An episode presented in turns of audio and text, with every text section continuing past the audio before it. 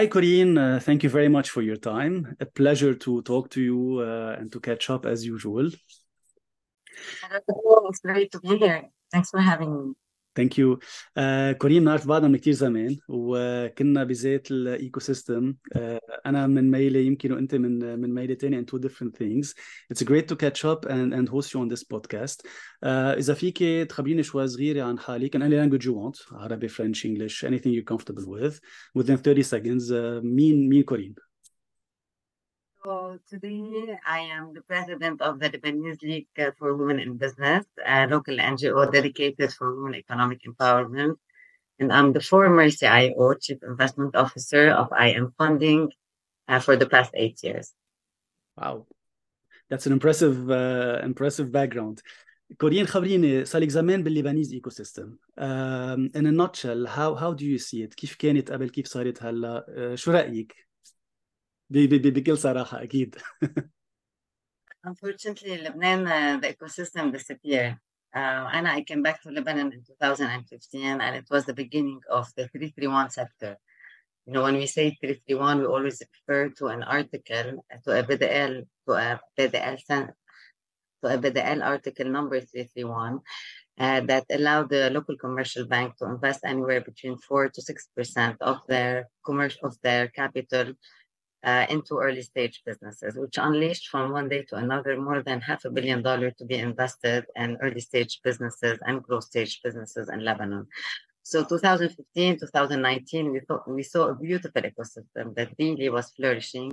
More than 250 million dollars were invested from more than 15 different uh, venture capital firms established in Lebanon, and we saw the creation of 120 companies. Was quite impressive However, given what happened in 2019, mainly the Thawra, and we have to remember that the majority of those venture capital funds were funded by the commercial banks. All those VCs disappeared, disappeared along with the incubators and the accelerators that came along. So today we're standing in a very virgin market. So obviously Atul Thawra was the blast, the fuel, the, the, the fuel oil issue in Lebanon, and today whatever we stand today, is it war, are we're not at war, etc. So yes, today we have the ecosystem almost disappeared. This is the sad part, but you know, we always give the positivity and we always see, see the good things and the bad.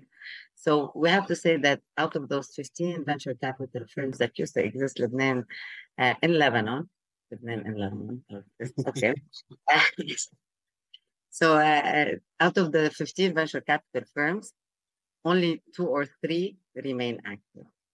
You have IM Capital, which I previously used to work at, that today is the matching fund. Still alive and uh, receiving entrepreneurs. The ISME, which is a World Bank program. So IM is USAID funded. The World Bank program is as well a matching fund that today is sitting on a pile of cash. And you have the Cedar Oxygen Fund, which is more dedicated to big, uh, to bigger companies and they're operating more like a bank type of um, financial institution more than a regular VC. That being said, you know, we, we're sitting today in, in, an ecosystem that has two matching funds, fresh capital. Unfortunately, we still have to use this word. One coming from USAID and another uh, sourcing coming from the World Bank. So, Lebanon, despite ev- everything bad happening today, if you sleep with with a, an angel ticket or an institutional ticket up to a million dollar, you can approach those two matching funds and get yourself three million dollars. So what I mean is, you sleep with one, you wake up with three. Quite interesting. and uh, I'm I'm curious to know, uh, Corine. I know we've seen in the last few years. Um, an immigration, a huge immigration, specifically for the brains, if we can say that. What made you stay in Lebanon? Uh, you have a, a, a, great history, you have an amazing background.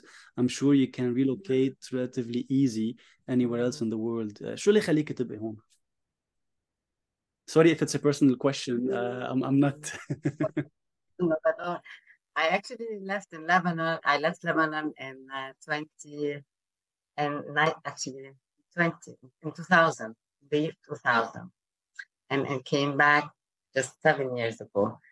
So Lebanon, when the blast happened and when the Thawra happened, actually, the easiest way around was for me to pack and uh, and to leave uh, the country.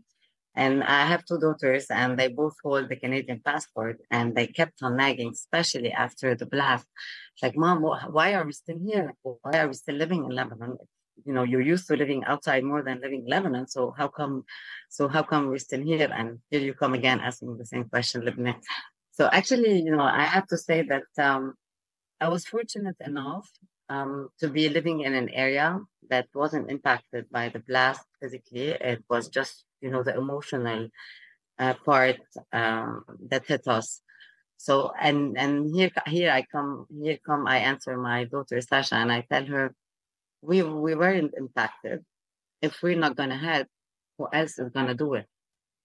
And she looked at me. It's like, and are you really gonna help the country by sitting and you know staying on the couch, especially that you had Corona kicking in at the same time. And, you know, things hit me that way. You know, I had my whole capitalistic mind, mind still on. And, you know, something targeted me and said, you know, how about doing some impact? And and we pivoted at IM. So back at the time, I was still the CIO of the company. And, and we made a beautiful pivot uh, during IM Capital so we had invested in more than 35 uh, companies, all of them technology, not all of them, 75% maybe technology and the remainder into local manufacturing. And uh, we were operating like pure capitalistic uh, investors. And here come how can venture capital really do impact while it's not part of, of its mandate. But uh, we were fortunate enough to, to pivot in, an, in, in a clever way and uh, and instead of you know going and helping the people that got impacted by the blast, we decided to provide grants to our startup. So you know we kept the portfolio company approach as an investment objective. So it was to give you know grants to those companies for them to grant their services for free for any person that got impacted by the blast, be it an individual or a company. And here we created the Min Dam Beirut. It was obviously with the work and the support of the whole team of IM Capital back at the time, long time ago, 2020. 20. Actually, we, we did the program just one month. We started the program just one month after the blast, so we went quite fast. And uh, we were able to impact more than 3,000 families and uh, 200 businesses. Wow. Uh, at the time. This is coming from a VC perspective. Lebanon should not comment, I have to say, at all. Um, another good fortune that, you know, as well took my mind was uh, we, we had fundraised uh, from USAID prior to the blast. Uh, we, we had um, pitched for more than 44 million, $40 million as um, uh, investment for growth stage companies and we received the money um, just two months after the blast. Wow! So I tried, you know, it's the perfect time uh, to try to see, you know, how can we uh, use best this money. So all this made me stay, and I thought, you know, if I'm not going to do it, who else is going to do it? And back at the time, everyone left, and I decided to stay. And uh, you know, I slept that day with you know the beautiful uh, news of getting forty million dollars into account. But as I started this conversation, Lebnan, this is matching money. Yeah, we don't. So when I say matching, that means that anyone, any entrepreneur entrepreneur approaches I am, we can finance up to fifty percent of their investment ticket, not the, the full investment ticket. So when we received those forty, it was like who's going to match us? Mm. The local capital firm had completely uh, winded down, uh, given uh, the Thawra and the devaluation of the local currency and you know the dollar creation versus the fresh USD, etc., and the impact of those capital increases as well on the startups, obviously. So um, it, it was very challenging, really. So we celebrated that day, you know, like we're going to get 40 million to deploy in Lebanon in the worst times of crisis, and we're going to make sure that we're going to use it in, in, their, in its best shape you know, who's gonna who's gonna match really. So we pivoted as well, just like any any any startup, and we went from doing one-on-one deals where we analyze the company and try, you know, approve a 50% investment and help out the entrepreneur in go and finding the remainder 50 into investing into sectors in Lebanon. So it was a very big pivot. So we moved from doing VC one-on-one deals into being a fund management entity, mm-hmm. which at the beginning of each year would launch uh, a sector dedicated uh, to a specific uh, fund. Actually, they would we would launch a fund dedicated to a specific sector because we as investors totally believe the plan that you know, despite all the hardships that we're living, money does not disappear. It just moves hands. So you need just to find the sector that will flourish despite, you know, whatever negativity is happening at the same period.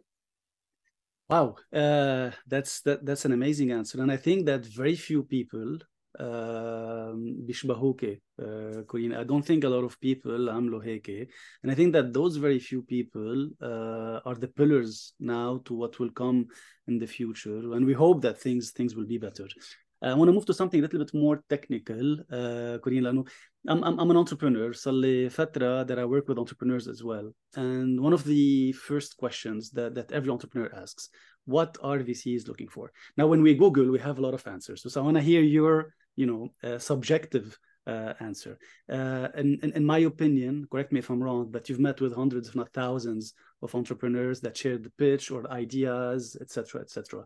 What's your filtering process, and what would you like to to give an advice for an entrepreneur who's raising fund for the first time?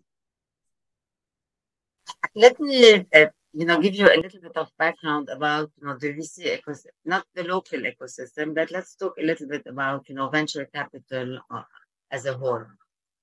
And before you know arriving uh, on what to advise the entrepreneur and what they should be looking for, today we totally need to acknowledge that the circumstances are different. And what when we used to talk about a global VC ecosystem of $300 billion, today shrank to 100 billion. Okay, so numbers number of deals being executed per deal per per year shrank as well to more than 50%. So we the, the whole attraction of that um, of the, that sector has a little bit uh, is, is today stagnant. And if I want to look at the tech giants today, uh, the companies are not performing well. You're seeing layoffs across sectors, whether I want to talk about, uh, you know, the the, the, the, the Googles uh, of the world, etc. So things are not really flourishing. However, however, in the AI sector, uh, Lebnan, we saw more than 20 plus unicorns for the past two to three years. And today, the order of mag- magnitude of the fundraising has changed given AI. So today, AI gives us a lot of um, things done for free. So what used to look like a five million dollar funding raise back, you know, pre pre 2020, pre 2019, today would look like closer actually to a million dollars. So really, the, the global ecosystem has, the global VC ecosystem has shrank by more than a third. AI, which used to represent 25%, to, uh, which used to represent, sorry, 12%, today represent 25% of the pie. Because of the order of magnitude, we can safely say that, you know, AI or investor or VC investors are finally happy to go back to work because there's something to look for. AI to, is going to change the face of all the sectors and can be integrated into any company, be it in their product and, and their product, their services, or their internal policies and procedures, and trying to optimize um, the, the, the, workflow of, of any entity. So, so right, and the VC ecosystem doesn't look vibrant. However, we are, we can be positive, and, and investors are um, looking forward to what's going to happen for the next few years.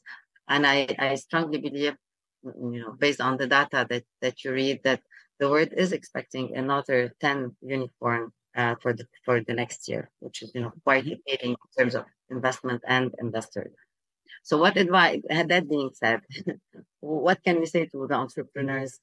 Uh, I I think the first thing is they should develop a, a strong value proposition and you know be different from the others we always ask what what your what's your secret sauce and what makes you different. And when I ask when we ask someone what makes you different, we're expecting something that looks like a 10x.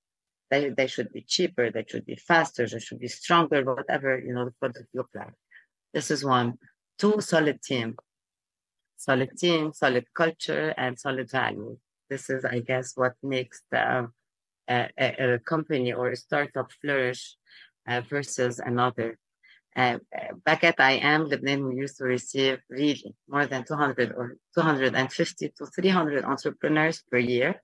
Mm-hmm. You can be sure that more than 30% were pitching exactly the same idea.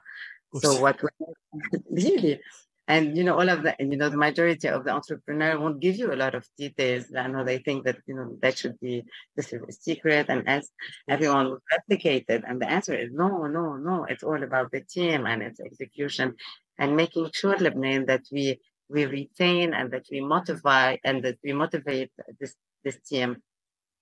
And here I'm going to, you know, the woman economic empowerment hat, and you know, make really and every company think about the diversity uh, that they have on their board and what added value that could bring uh, to, to, the table or and to the product simply because we represent 50% of the population like if i just want to answer the, yeah. the easy answer you know and any company would like to take over and um, you know all the customers of the world which you know 50% are women therefore you know it yeah, would yeah. it would diversity would simply you know, add. I, am not going to get you into the numbers and the data and discuss IFC and Harvard. You know, I, I we'll keep that for a different uh, conversation. So strong value proposition, strong team, um, show data, data, data, data. Be it in the, uh, be it from the side of the market size or financial projection. We really need to understand how the, the, story that is portrayed in the business plan is reflected really into reality. So data, data, data always. Take partnerships. You can't do it on your own. You always need collaboration. You need to open the network and, and you know, opening network is what would make you ready for exit eventually, because it's usually those types of M&A that uh, would realize a good exit eventually. And um, finally, I guess be prepared always and be patient. It takes a lot of time to fundraise. It takes a lot of time to, to talk to investors, to make them to sit on your table and go through the details of your pitch. You just um, need to be patient along the way, I guess. That's but I, have a small question. So, so uh, everything you said makes perfect, perfect sense. Uh, but I have a small question. I meet a lot of solo entrepreneurs, uh, regardless of their gender. Uh, a lot are women, a lot are men. And I know that you have a lot of platforms today that match you with other co-founders, etc., etc. but most of them don't really pan out because of the synergy and the chemistry. Um, I know when, when, I meet a solo entrepreneur, um, I do prefer that they have a team or they have co-founders, but um, I don't really mind. I think that they can do it by themselves anyway. They recruit the right team. What's what's your take on that? Yeah, any any idea when any company might start with a solo entrepreneur, but you know down down the line, um, he's going to be forced to to he's, not going to be forced. So let's talk. Let's go through stages. So you have an idea, you recruit a team, mm-hmm. um, you own depending on the regulation, but just as to, to facilitate the example, let's say that you own on your own 100% of the company, you hire a team and the team starts executing, you start to diversify the type of expertise that you know that you need, and then eventually two senior people resign. What you would do, you run to those people and ask them to stay, you double their salaries, and then eventually, as time goes by, you're going to start giving employees stock option plan. Yeah, of course. So even if you start as a solo entrepreneur, no investor will come and approach you before you have a core team. They will actually no investor will come and invest in you before you have a core team that has the right expertise. And you're going to be forced as an entrepreneur eventually because of their request is you know to give away part of your company. And what starts by looking the solo entrepreneur would eventually look like a quite diversified entity. Yeah. I I I have I I don't prefer solo entrepreneurs, uh, but you know, if they have the right mind openness and they're coachable enough, um, those companies can, can flourish. Else, you know, my biggest question is always to those solos. Um, it's like, what would you do if you get hit by a bus? So yeah. I love the idea. I, me as an investor, I would love the idea. I'd give an investment ticket of uh, a million dollars, and then that guy just, you know, literally gets hit by a bus. Yeah. so that's it. Top tier is أنا نحكي basics. Uh, you know, we're not doing a financial course one. We're not going to get into the technicalities of what it is. But realistically, that's it. So you might start like a solo entrepreneur eventually, you know, without even noticing this company would be, you know, enough diversified. And if it's not, the investor will come and force it as a reshuffling of the cap table before investing the million dollar one. Just because, you know, what if the big guy gets it by the bus? That's uh, my simple answer. Perfect. Corine, I took more time than, uh, than than I asked you for. I thank you very, very, very much for your time. It was amazing. Thank you, Dupin. A bientôt. Thank you.